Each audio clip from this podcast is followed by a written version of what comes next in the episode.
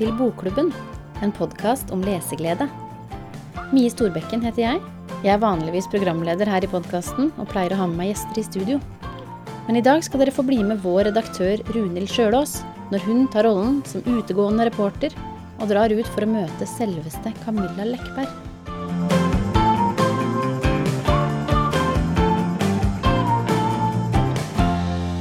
Camilla Lekberg er den svenske verdenskjente krimstjerna som har satt sitt eget lille hjemsted Fjellbakka på verdenskartet med bokserien fra den idylliske småbyen. Der møter vi ekteparet Erika Falk og Patrick Hedstrøm, som løser krimgåter, samtidig som de prøver å få hverdagene med jobb, barn, venner og familie til å gå opp.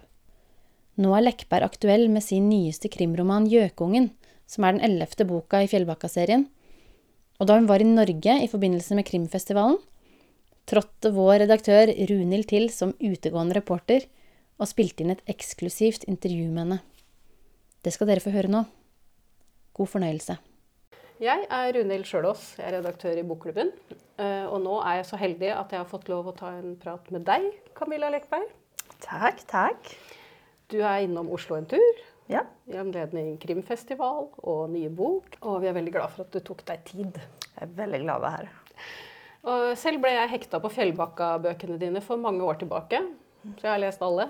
Og det vet jeg at mange av medlemmene våre i Bokklubben har gjort. Men ikke alle. Nei? Nei.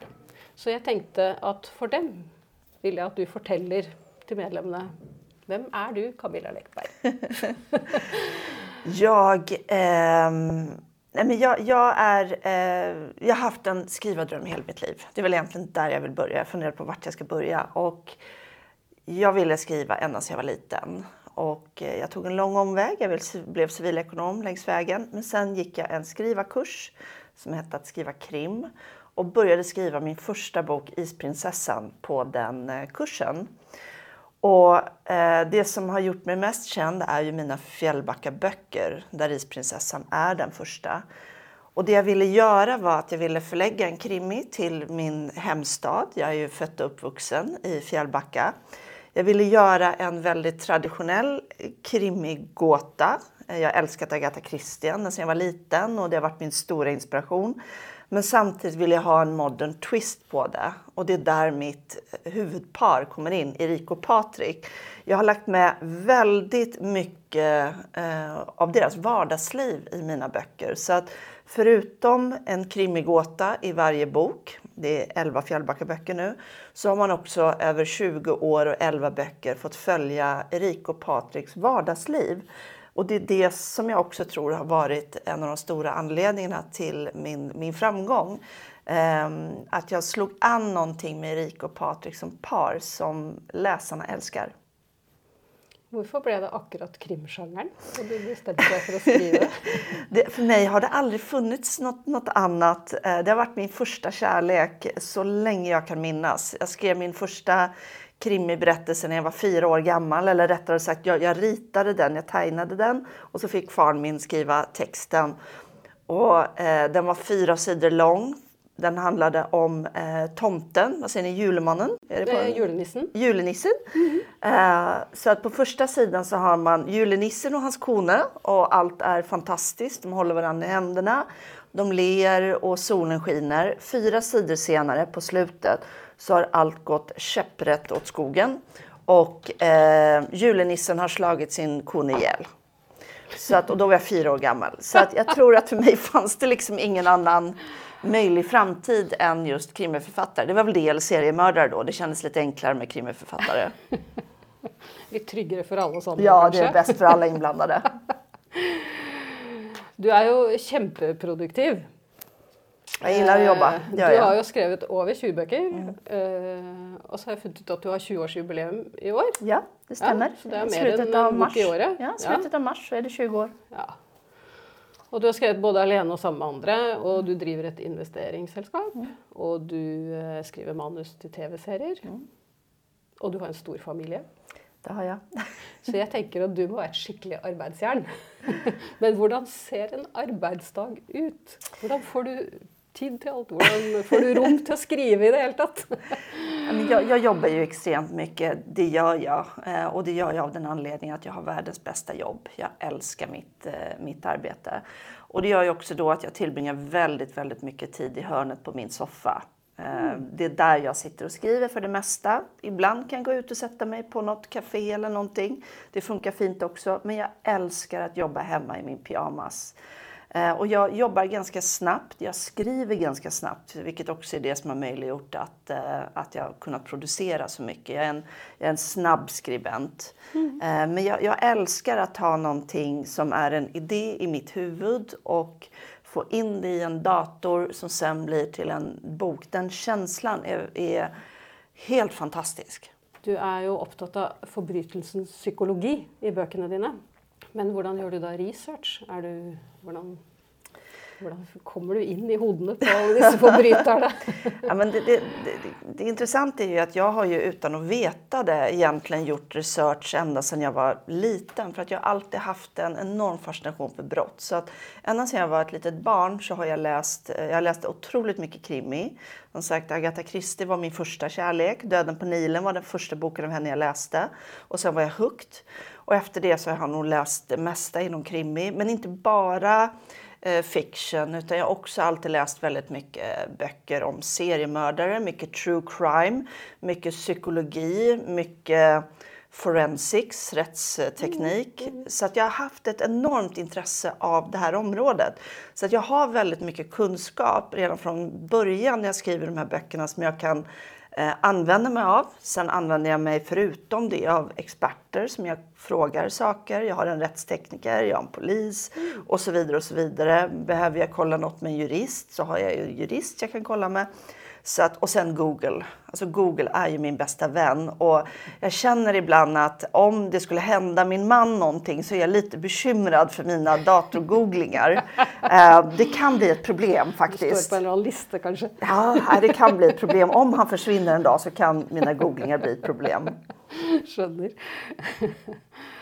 Eh, det många nog spør sig om är varför du har valt ett litet sted som Fjällbacka som åsted för allt detta som sker och inte en storby där du har lite mer eh, att spela på? Anledningen till att jag valde Fjällbacka är väldigt enkel. Eh, när jag gick eh, skrivarkursen att skriva krimi, det här är någonstans runt 1998 jag gick den, så fick vi eh, ett råd av kursläraren som också är krimiförfattare, Peter Gissi när vi pratade om miljö och vilken miljö man väljer till sin krimi så sa han att välj den miljö du känner bäst. Mm. Och det slog an hos mig och direkt han sa det så visste jag att jag ville skriva om Fjällbacka. För att nu har jag bott i Stockholm och andra ställen betydligt längre än jag bott i Fjällbacka. Jag flyttade hemifrån och från Fjällbacka när jag var 17 år. Mm. Men det finns inget ställe man känner så väl som den plats där man är uppväxt. Mm. Fjällbacka känner jag, det är som ett levande väsen för mig. Eh, Fjällbacka är som en av karaktärerna eh, i boken. Det är, det är något som lever. Jag vet hur folk pratar, jag vet hur de mm. tänker. Jag kan inte bara hur gatorna ser ut, jag vet hur det låter. Så därför valde jag Fjällbacka, för att jag känner det så oerhört väl. Mm. Da jeg oppdaget bøkene dine, så syntes jeg det var veldig forfriskende med en uh, travel småbarnsmor mm. som heltinne. Jeg tror jeg leste 'Tyskerungen', som ja. det første jeg leste. Og alt det hverdagslige med barn og familieliv og midt oppi all uh, dramatikken, da.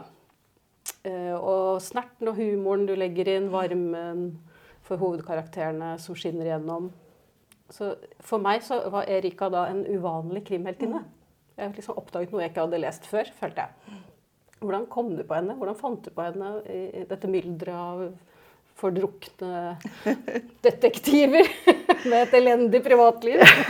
ja, men det var faktiskt exakt så att jag hade ju läst, i och med att jag läst så mycket krimi själv och läst det mesta som fanns i genren, så var jag väldigt trött på det som vid det här laget hade blivit en klyscha den medelålders mannen, alltid mannen, som var bitter kommissarie, frånskild, problem med kvinnor, eh, drack för mycket whisky, lyssnade alltid antingen på opera eller jazz. Det mm. verkade inte finnas någon annan musiksmak inom eh, krimigenren.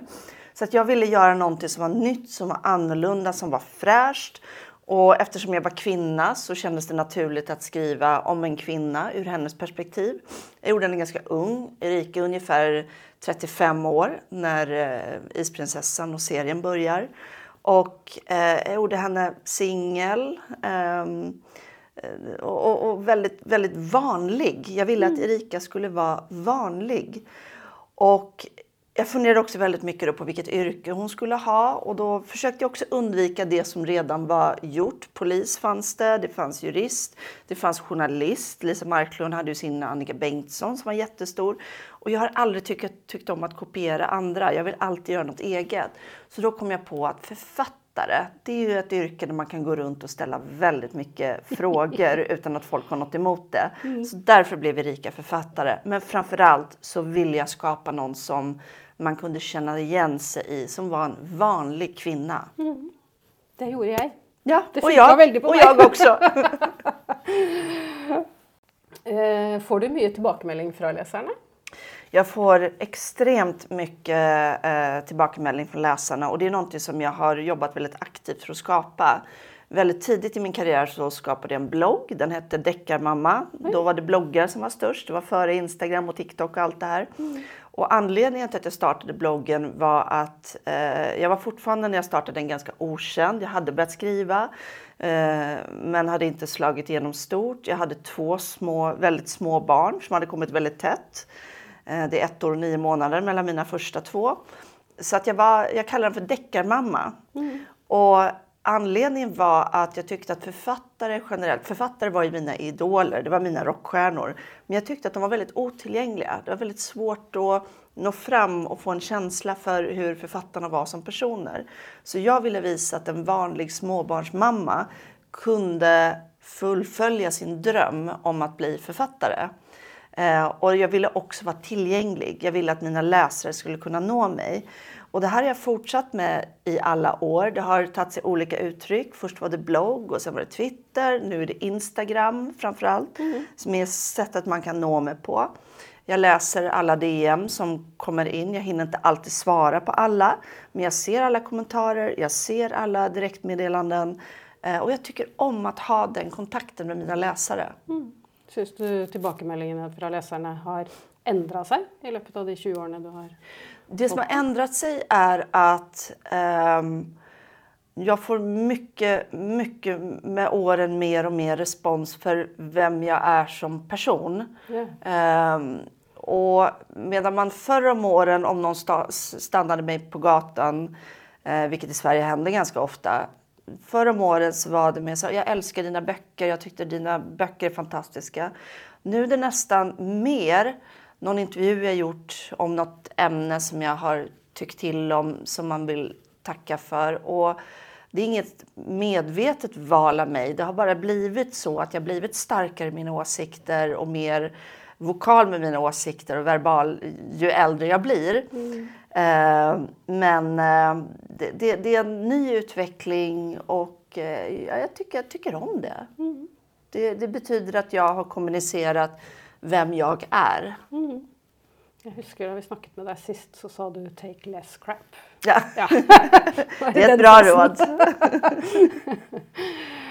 vi är ju väldigt många som har glätt oss till att Erika och Patrik eh, skulle hamna i trubbel igen. För mm. det var ju ett uppehåll. Fem år. Mellan bok 10 och 11 nu. Och eh, en norsk anmeldare skrev faktiskt äntligen drepes det folk i Fjällbacka igen. Underbart. Uh, var det liksom hela tiden meningen att fortsätta serien? Det var det. Mm. Uh, jag visste hela tiden att det skulle komma fler böcker men jag, jag är um, en författare som jag måste gå på min magkänsla och min lust. Jag drivs enormt mycket av min lust. Jag kan inte lägga våld på mig själv och göra någonting jag inte har lust till. Därför kom jag till en punkt efter tio Fjällbacka böcker där jag kände att nu behöver jag en paus. Mm. Nu behöver jag göra någonting annat. Annars kommer jag att börja stagnera. Jag kommer att fastna i min utveckling. Jag var alldeles för mycket i min egen comfort zone med Fjällbackaböckerna. Eh, och jag behövde känna det där fladdret i magen igen, att vara rädd för kommer det här att misslyckas eller kommer det att lyckas? Kommer läsarna tycka om det? Därför valde jag att ta en paus från Fjällbackaböckerna och göra FEI-projektet till exempel. Mm. Eh, och även Fexeus hann ju komma emellan också. Och det var, det var nyttigt. Eh, mm. Den här pausen på fem år, jag tror att Erika och Patrik också behövde en paus från mig faktiskt. Jag tror de var lite trötta på mig.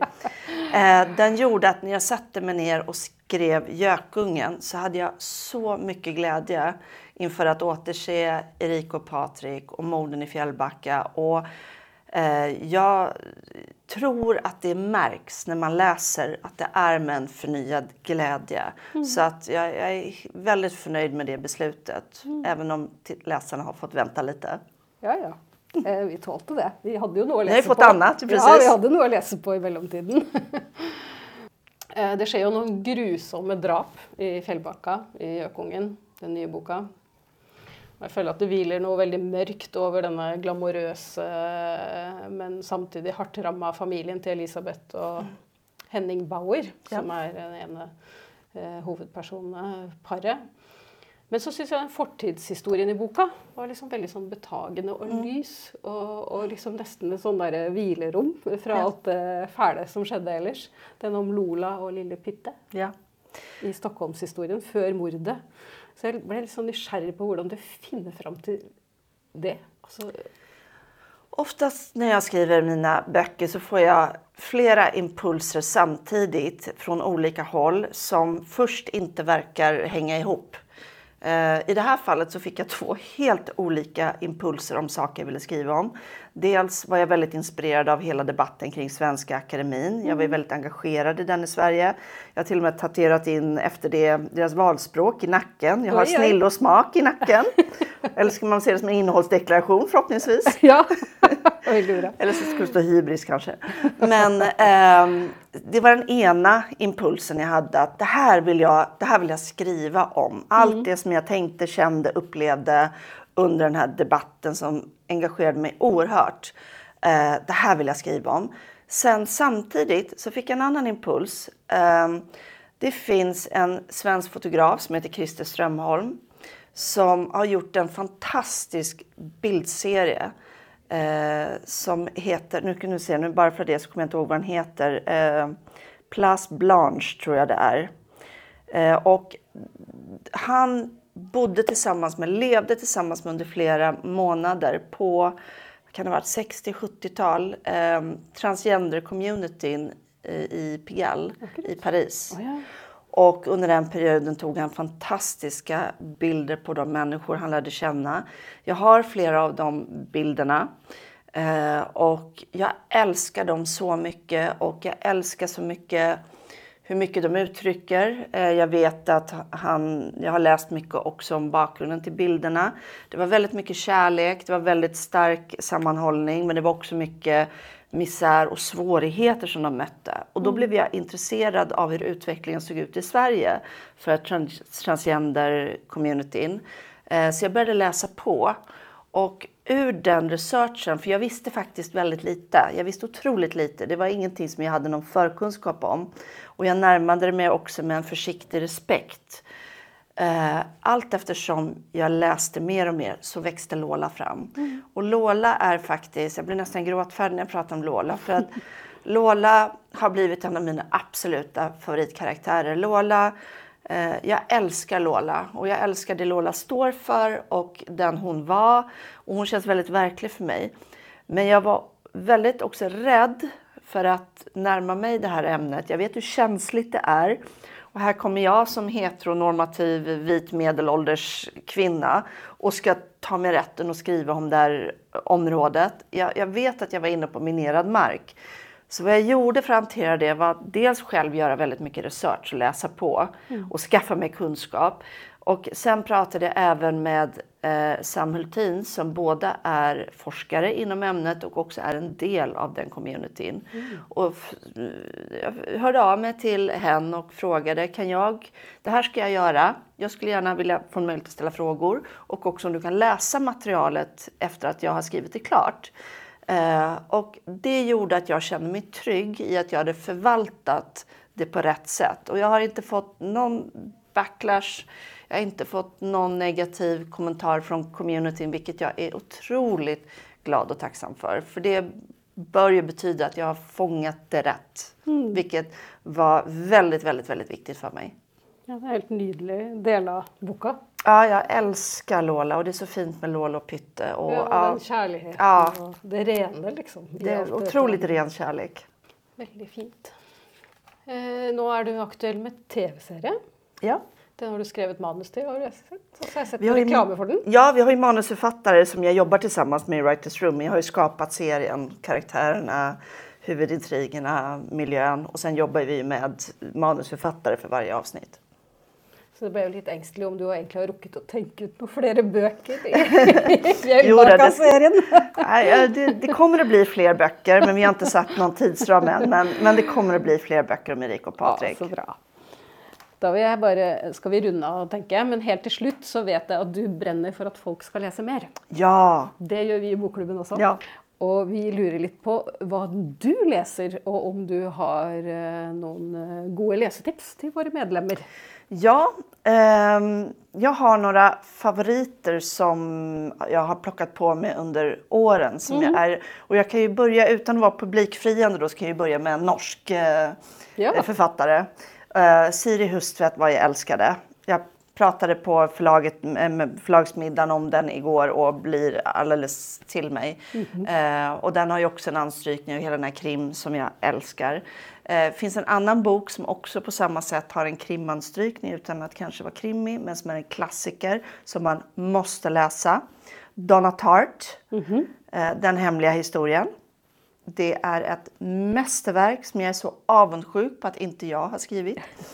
eh, och finns det också en modernare, de, de, här har ju ett år på nacken, men det finns en som kom för ett par år sedan mm. som också skapade samma krypande känsla och som jag tycker är ett fantastiskt stycke litteratur.